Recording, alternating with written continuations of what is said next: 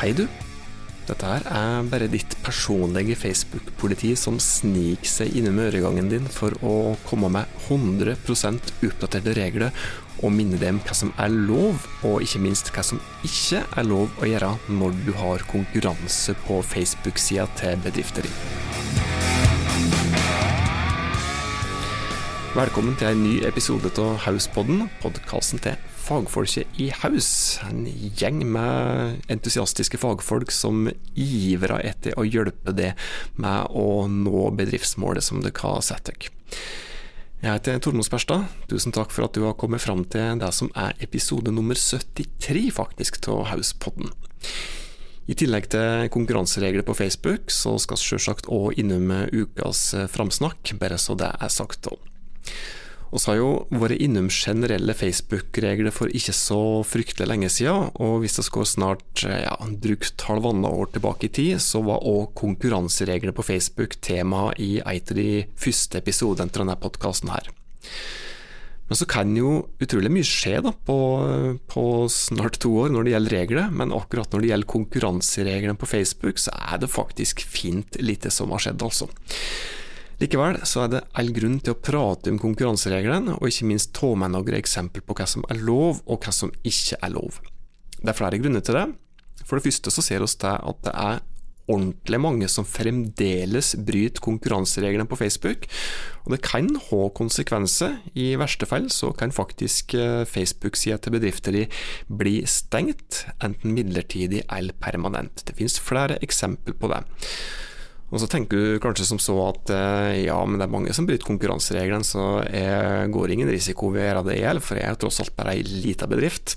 Vel, og skal prate mer om akkurat eh, det senere, eh, hvorfor du ikke bør ta den risken der. Og i innspillende stund så er det faktisk snart påske. Det kan jo hende at du òg hører på denne episoden her når det nærmer seg påske. Og er det én ting som vi ofte ser rett før påske så er det utrolig mange bedrifter som kjører denne klassiske påskekonkurransen, der eh, folk kan vinne velfylte påskeegg fullt av påskesnop. Og er det en ting som vi ofte ser i denne type konkurranser, så er det nettopp regelbrudd. Så det gjør jo da at dette her temaet er høyaktuelt å ta opp i, her, eh, i denne episoden her av Hauspodden. Men hva er egentlig konkurransereglene på Facebook? Er de avanserte? Nei, de er faktisk fremdeles skikkelig enkle. Og for å ta reglene ordrett, slik Facebook sjøl formulerer det, i alle fall slik de formulerer den viktigste delen, det viktigste avsnittet av konkurransereglene sine, og som da òg er det som de fleste bryter, det er følgende, Facebook sier altså dette her. Kampanjer kan administreres på sider, i grupper, i arrangementer eller i apper på Facebook. Personlige tidslinjer og venneforbindelser skal ikke brukes til å administrere kampanjer, f.eks.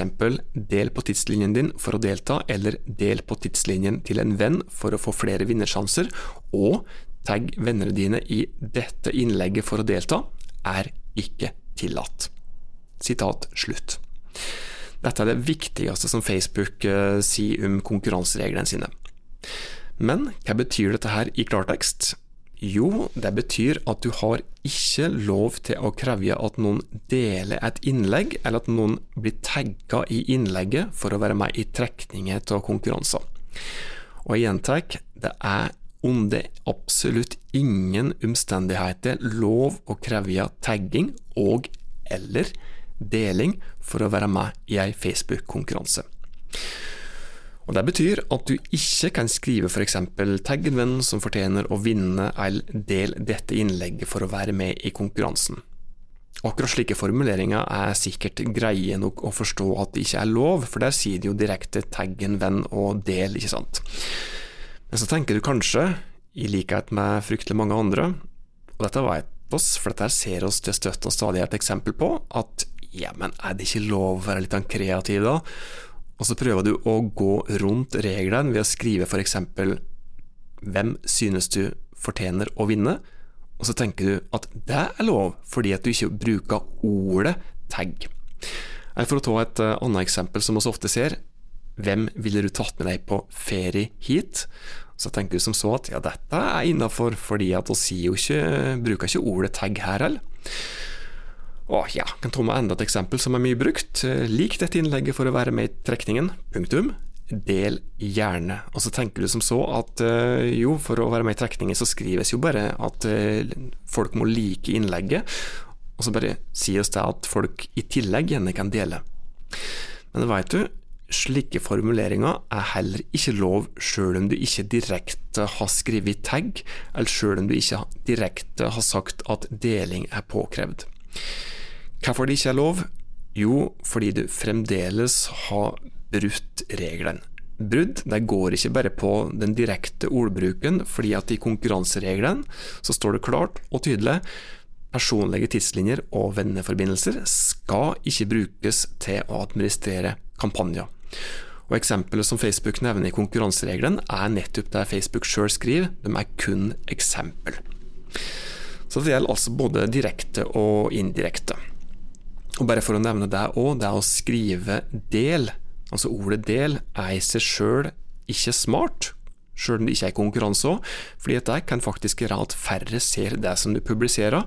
For et av algoritmene til Facebook har en såkalt like and share-mugging-regel, som fører til at formuleringer som dette her, forsøk på å tigge seg til en eh, del f.eks., det fører til at det du legger ut, ikke når ut til så mange som du kunne ha gjort.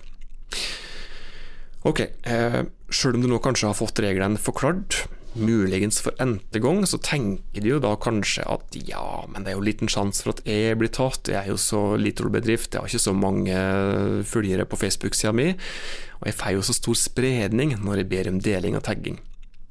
Ja, kanskje er det statistisk sett liten sjanse for at eh, du blir tatt for regelbrudd, og ja, du får nok stor spredning når du ber om deling, men hvorfor vil du egentlig ta denne risikoen der? Altså Som sagt, du risikerer jo faktisk i verste fall at Facebook-sida til bedrifter blir permanent stengt. Og dette her med stor spredning, stor rekkevidde, det vil du trolig få sjøl om du eh, ikke ber om deling og tagging.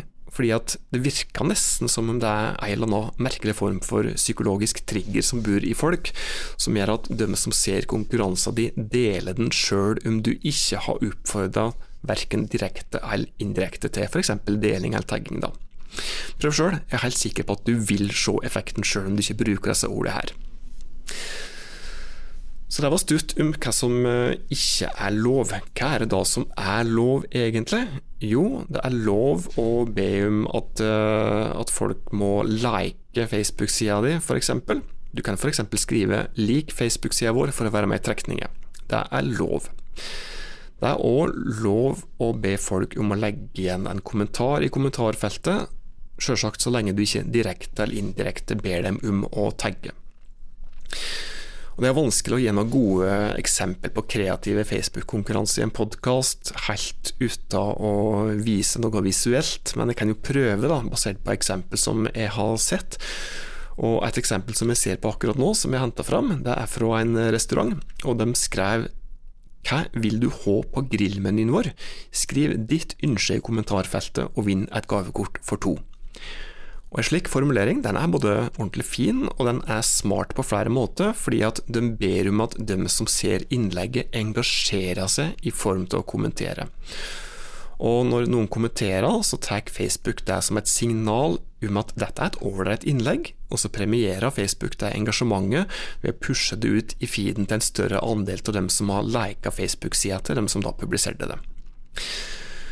Og Når jeg ser på akkurat eh, denne konkurransen, så ser jeg òg at uh, ordentlig mange delte dette innlegget her, sjøl om restauranten ikke skrev noe om deling i det hele tatt. De oppfordra ikke til her eh, indirekte heller. Så delingseffekten den får du ofte uansett. Så det var bare et, et lite eksempel. Uh, må si det at av og til så endrer Facebook-reglene seg, så du bør gjøre det til ei rutine. Hvis du f.eks. administrator til ei Facebook-side, så bør du gjøre det til ei rutine og sjekke innom Facebook sine retningslinjer med jevne mellomrom. Da går du inn på facebook.com slash policies for å sjekke det. Spol igjen, og hvis du vil holde litt ekstra utfyllende om Facebook sine regler, så kan du gjerne spole det tilbake til episode nummer 69, var det, der vi prater om generelle Facebook-regler. Jeg kan også si det at uh, ja, hvis du skal, skal faktisk komme med en liten uh, stunt, en liten bonus til det. Hvis du f.eks. nå sitter og vurderer å kjøre ei, ei konkurranse på Facebook, og ønsker et uh, stutt og kjapt innspill til hva oss syns om konkurranser, så send oss en DM på Insta med et skjermbilde eller en skjermdump til konkurranser, så skal du få ei vurdering, i hvert fall ei enkel vurdering, aldeles gratis. Så søk opp Haus Byra på Instagram, følg oss gjerne der, og send oss en DM.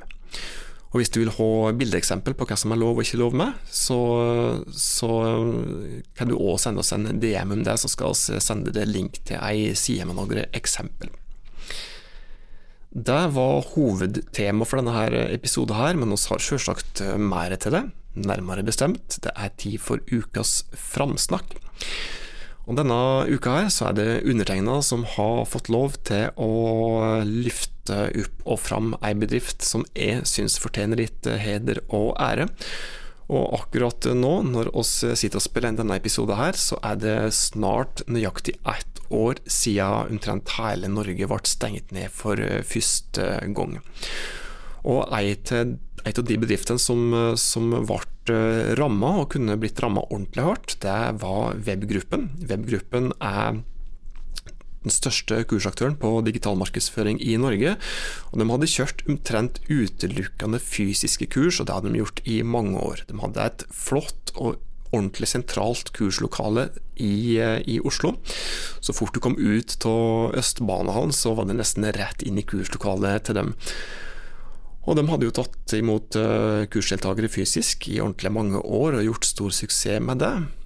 Og det som skjedde den 12. mars i fjor, det kunne jo fort blitt fatalt, uh, fatalt for webgruppen. Fordi at de ble jo da tvinga til å stenge kurslokalene sine. De fikk ikke lov til å ta imot uh, deltakere på fysiske kurs lenger. Og webgruppen kunne jo fort uh, gått uh, helt uh, dukken da. De gjorde ikke det, de snudde seg rundt, og ja, ikke helt over natta, men nesten over natta så gikk de fra å levere fysiske kurs til å levere nettkurs. Og det gjør de fremdeles, og det er utrolig mange. Jeg har sjøl hatt eh, glede av å være kursleder for både de fysiske kursene som de har, og en del av nettkurset som de har hatt eh, nå dette her eh, rare koronaåret. Og det har aldri vært så mange kursdeltakere nå som etter at de begynte å kjøre kursene sine digitalt.